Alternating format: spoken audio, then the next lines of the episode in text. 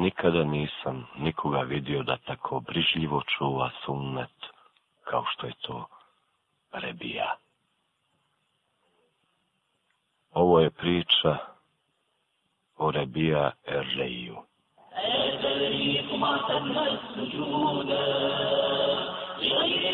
U 51. smo godini pohiđili.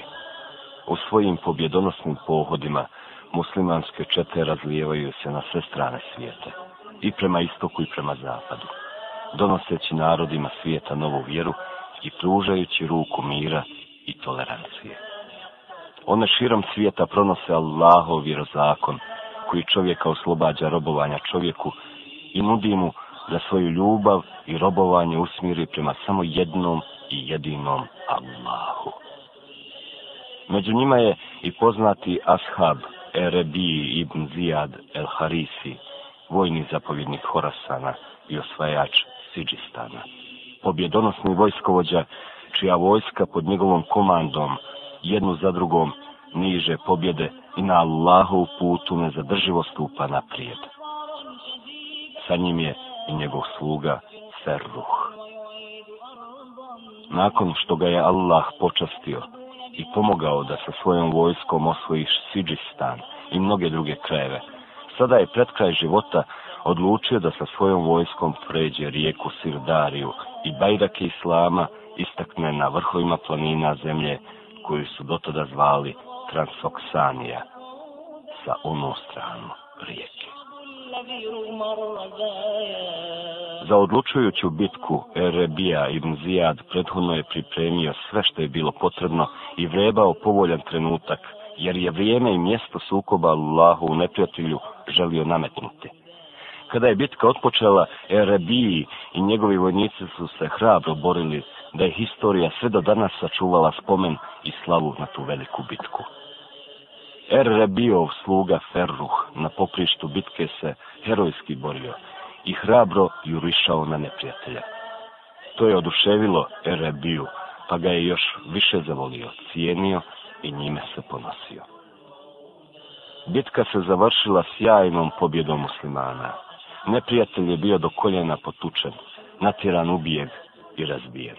Muslimani su prešli na drugu stranu rijeke, koja im je dotada bila prirodna prepreka za dublji prodor u tadašnju nastojbinu Turaka, ispričavala da svoje prodore usmire prema Kini i kraljevstvu Sogd u Srednjoj Aziji čim je ovaj slavni vojskovođa sa svojom vojskom kročio na drugu obalu ove velike rijeke, prvo što su uradili bilo je da su uzeli abdus, okrenuli se prema kibli i klanjali dva rekata namaza iz zahvalnosti prema uzvišenom Allahu na ovom veličanstvenom daru.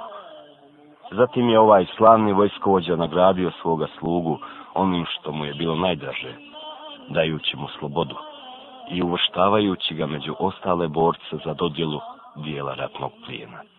Na kraju i sam je od sebe darovao bogate poklone. Er Rabi ibn Zijad al Harisiju, poslije ove sjajne pobjede i jednog od najsvjetlijih trenutaka u njegovu životu, nije bilo suđeno da još dugo živi.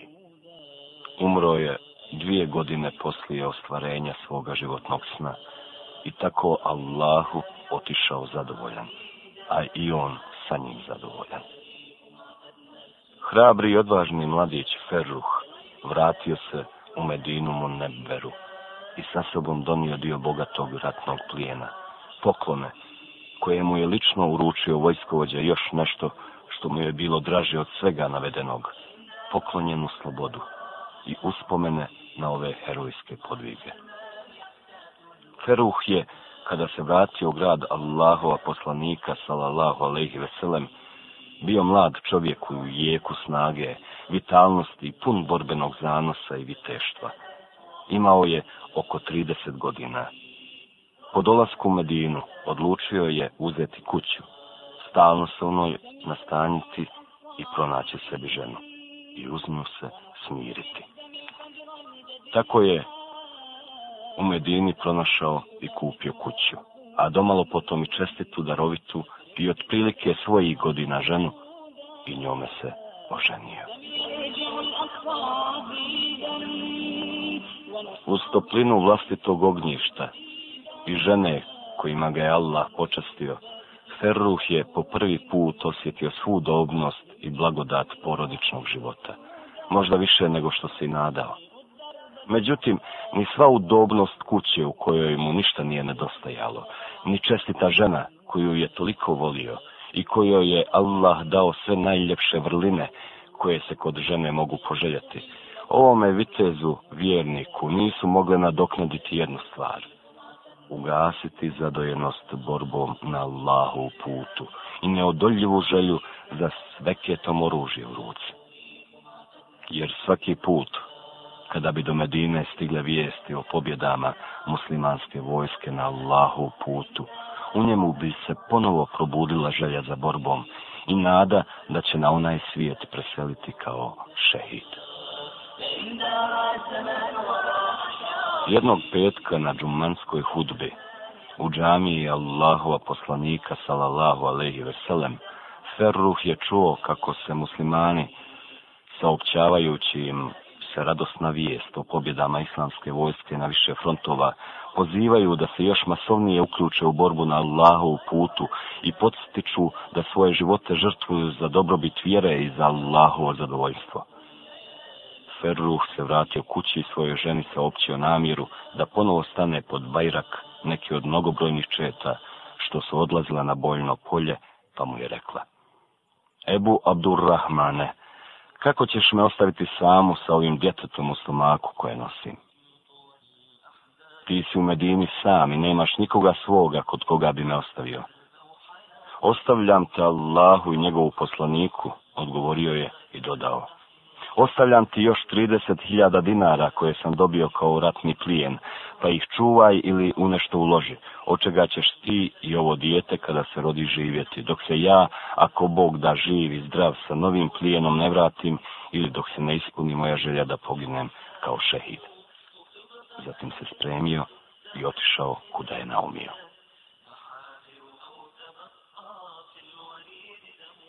Nekoliko mjeseci poslije njegova odlaska, Ova čestita žena se porodila i na svijet donijela lijepa i zdrava dječaka, rumena i vedra lica, koje je plijenilo svakoga kogod ga je vidio. Majka mu se toliko obradovala, da je donekle lepše podnijela rastanak sa njegovim ocem. Nadila mu je ime Rebija. Ra'atillahu ya ummi وصانت بالرضا الجميل علي خليلة Još od malih nogu na dječaku su se počeli primjećivati znakovi plemenitosti, bistrine i čestitosti, kako u njegovu govoru, tako i u njegovim postupcima. Kada je porastao, majka ga je na podučavanje dala najboljim učiteljima i zamolila ga da, koliko god mogu, više nauče plaćala je i posebne odgajatelje da ga lijepo odgoje u duhu islama. Dječak je ubrzo naučio lijepo pisati, dobro čitati, pa se prvo posvetio pravilnom učenju Kur'ana, onako kako je objavljen Allahu poslaniku Muhammedu sallallahu alaihi veselem. Nije prošlo dugo, a cijeli je Kur'an već bio naučio na pamet. Pored toga, naučio je na pamet i mnogo hadisa, solidno ovladao bogatom arapskom retorikom, iste kao široko vjersko obrazovanje. Rabina majka nije žalila novca, pa je učitelje i odgajatelje svoga sina bogato nagrađivala i svaki put, kada bi primijecila napredak u odgoju i savlađivanju novih znanja, njihova nagrada se povećavala, jer je, očekujući povratak njegova oca, toliko željela da mu se obraduje. Međutim, Ferđuhovo odsustvo se oduljilo. O njegovoj sudbini počele su kružiti razne priče. Jedni su govorili da je kao zarobljenik pao u ruke neprijatelju. Drugi da je još uvijek živi, da se i dalje bori na Allahu u putu, a treći koji su se vraćali sa boljnog polja, da mu se ostvarila želja i da je poginuo kao šehid. Uslijed prekida dolaska bilo kakvih pouzdanih vijesti o njemu, kod rabine, majke, prevagnulo je ovo posljednje. U početku je mnogo tugovala, a onda se pomirila sa sudbinom i počela moliti Allaha da ga na onom svijetu nagradi. Tada je Rebija već bio porastao i ušao u prve godine mladosti. Njegovu majku su savjetovali. Sada kada je Rebija stasao, naučio čitati i pisati, još mnogo toga, između ostalog naučio na pamet Kur'an i mnoge hadise, više nego većina njegovih vršnjaka, dobro bi bilo kada bi se opredijelio za kakav zanat. On bi njime sigurno brzo ovladao, pa bi mogao lijepo zarađivati i izdržavati i sebe i tebe. Ona je na to samo odgovarala. Molim Allaha da mu da ono što će mu valjati i na ovome i na onome svijetu. Rebija se na kraju opredijelio za znanje i odlučio da cijel svoj život posveti njegovu stjecanju i prenošenju na druge i da istovremeno bude i učenik i učitelj.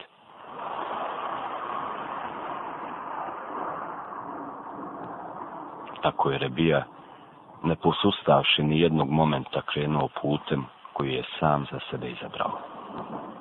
Uključio se u brojne kružoke za sticanje znanja, u džamiji Allahova poslanika u Medini i sa neodoljivom ga se željom napajao, kao što se žedan prihvati sa zdenca pitke vode. Tu se nije odvajao od preživjelih ashaba, a posebno od Enesa ibn Malika, sluge Allahova poslanika sallallahu alaihi veselem.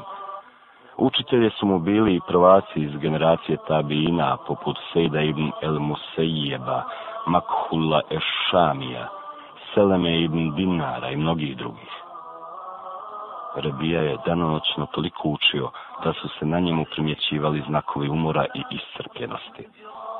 Kada bi mu neko o tome progovorio i iz sažaljenja ga posavjetovao da se odmori i naspava, odgovorio bi. Naši učitelji opet govore, ako hoćeš da ti znanje bude dostupno, moraš mu se potpuno predati. Ubrzo sam njegovu znanju počeo svuda pričati. Slava o njemu rasti i sve brojniji mu prijatelji na noge dolaziti. Njegovi učenici su ga zavoljeli, a su narodnjaci sa poštovanjem spominjali. Tako je život ovog medinskog alima mirno i spokojno tekao. Jedan dio svoga vremena svaki dan je provodio u svojoj kući sa ukućanima i prijateljima, a drugi u džami Allahova poslanika sallallahu alaihi veselam okružen svojim učenicima u nekom od kružoka gdje je držao predavanje.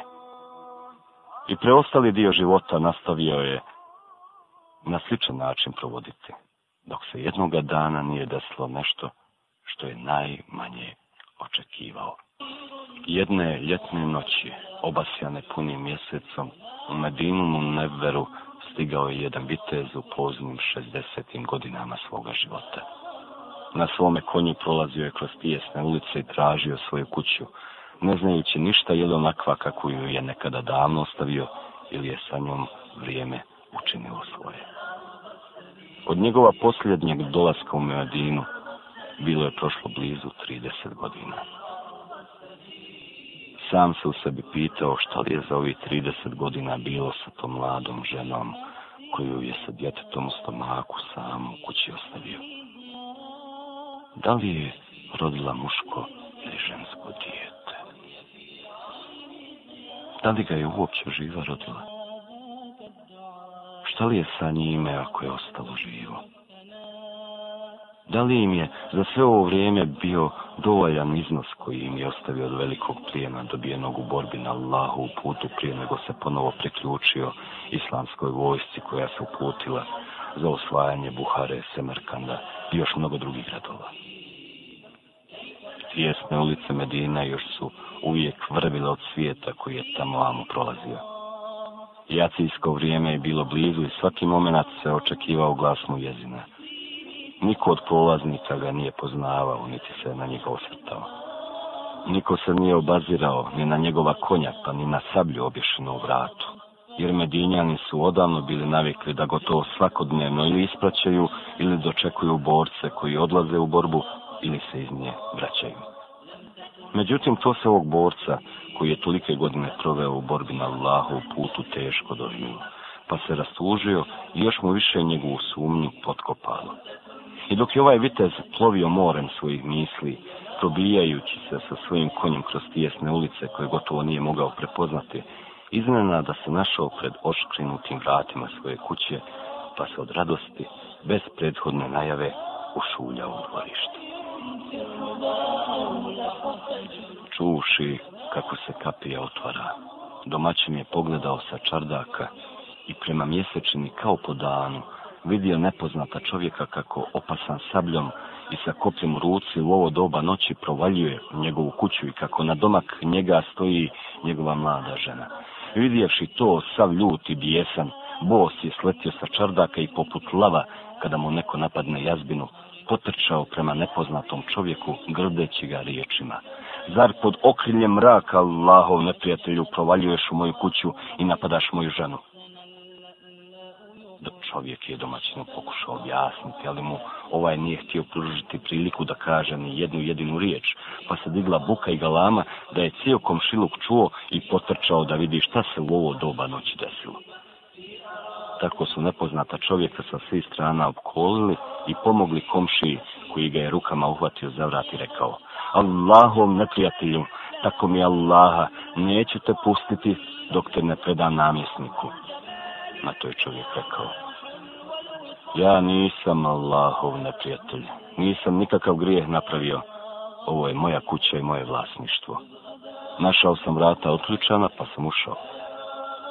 Zatim se okrenuo prema svijetu i povijekao. Ljudi, saslušajte me. Ovo je moja kuća i ja sam je svojim novcem kupio. Ljudi, ja sam Ferruh. Međutim, Među komšijama nije bilo nikoga koje je poznavao Ferluha, koji je prije 30 godina otišao od kuće i sve ovo vrijeme proveo u borbi na Allahu putu. Domaćinova majka bila je zaspala, pa ju je galama probudila. Kada je ustala i pogledala sa prozora, prepoznala je svoga muža Ferruha. Toliko se iznenadila da je gotovo zanijemila. Jedva je uspjela reći, ljudi, pustite ga. Rebija, pusti ga neka uđe. Sine Rebija, to je tvoj otac. Ljudi, Allah vam se smilovao, pustite čovjeka, Ebu Abdurrahmane. Ovo je tvoj sin, dio tvoje čigarice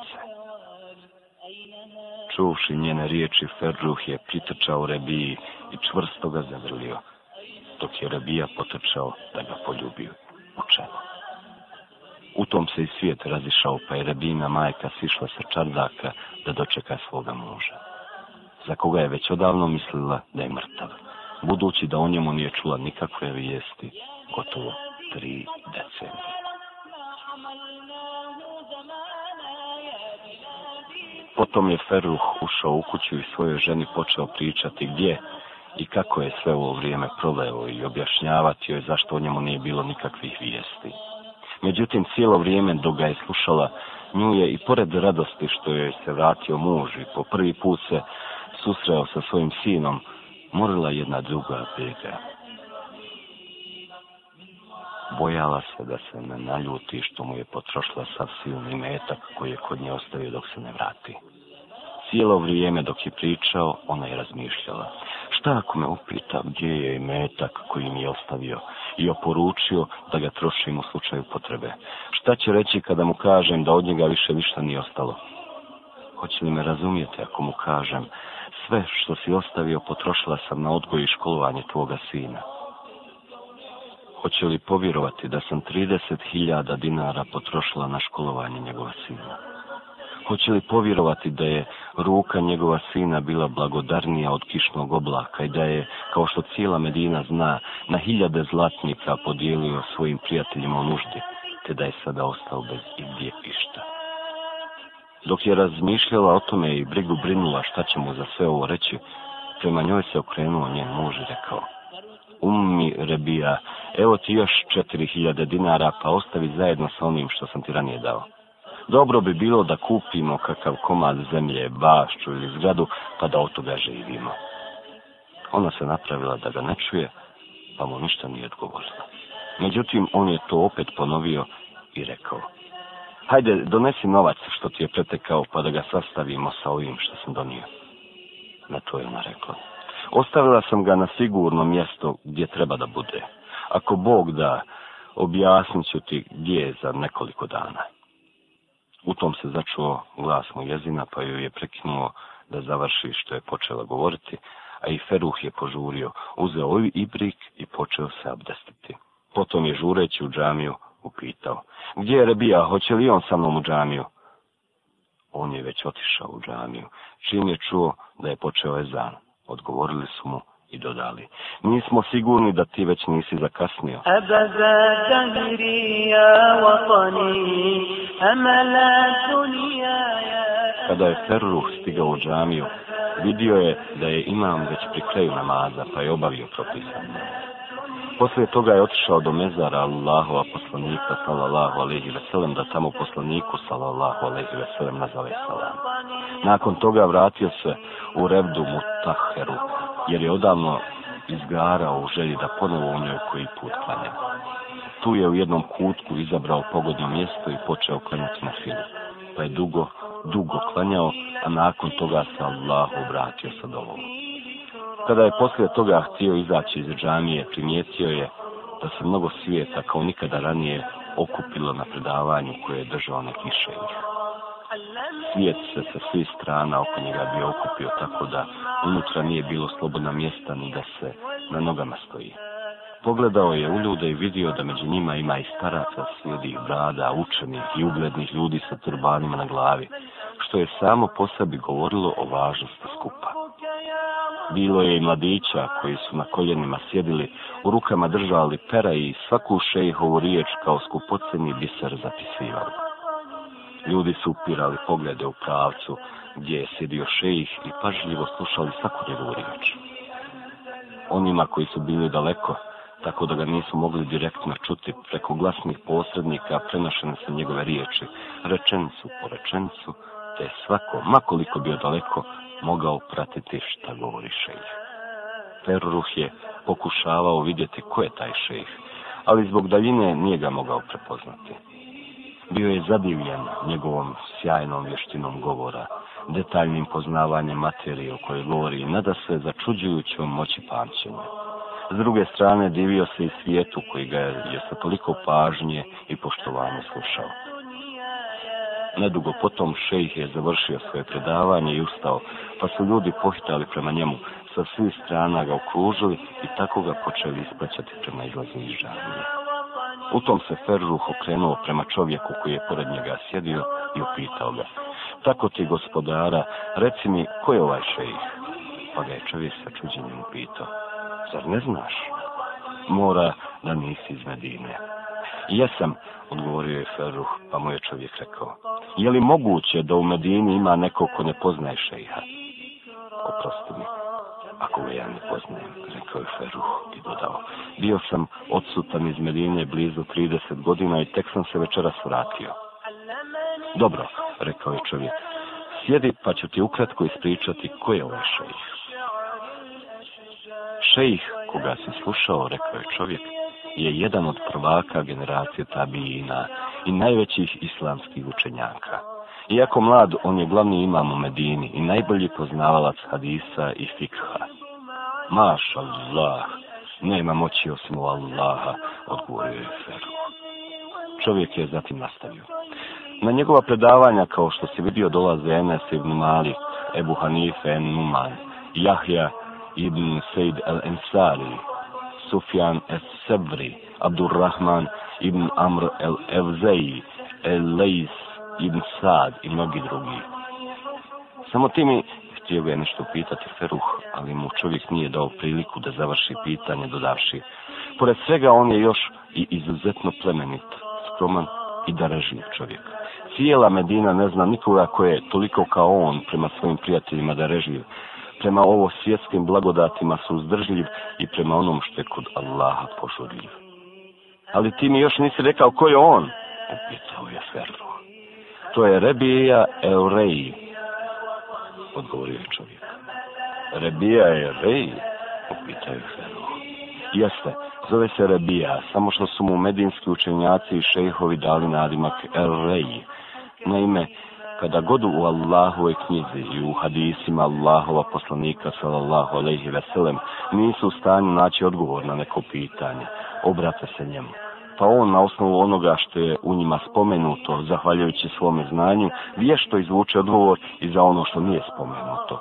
Tako da im se uvijek duša i srce zadovolje sa njegovim odgovorom. Ali opet, mi nisi rekao komu je otac? Upitao je Ferruh. Rebija je sin Ferruhov, poznatog pod nadimkom Ebu Abdur Rahman. Rođen je poslije očeva odlaska iz Medine u borbu na Allahu putu, pa mu je majka preuzela brigu oko odgoja i školovanja. Prije nego što ćemo klanjati, čuo sam kako ljudi pričaju da mu se otac poslije toliko vremena sinoć vratio. Na to su Ferruhu iz očiju potekle krupne suze, a da čovjek s kojim je razgovarao nije znao zašto odakle je Feruh s očima puni suza krenuo pravo kući. Ugledavši ga tako uplakana Rebijina, majka ga je upitala, šta ti je, Ebu Rebija? Nije ništa, dobro sam, odgovorio je. Vidio sam da je naš sin Rebija tako učen, uvažen i poštovan, kako do sada nikoga drugoga nisam vidio čuvši to, Rebina majka iskoristila je povoljnu priliku da upita. Šta ti od dvije stvari draže, 30.000 dinara ili učenost i ugled koji uživa tvoj sin? Tako mi Allaha, ovo drugo mi je draže nego cijelo bogatstvo ovog svijeta, odgovorio je. E onda znaj da sam sav novac koji se ostavio uložila u njega, odgovorila je i upitala jesi li zadovoljan sa onim što sam učinila? Jesam, odgovorio je i dodao. Allah te nagradio za dobro koje si za nas, njega i sve muslimane učinila.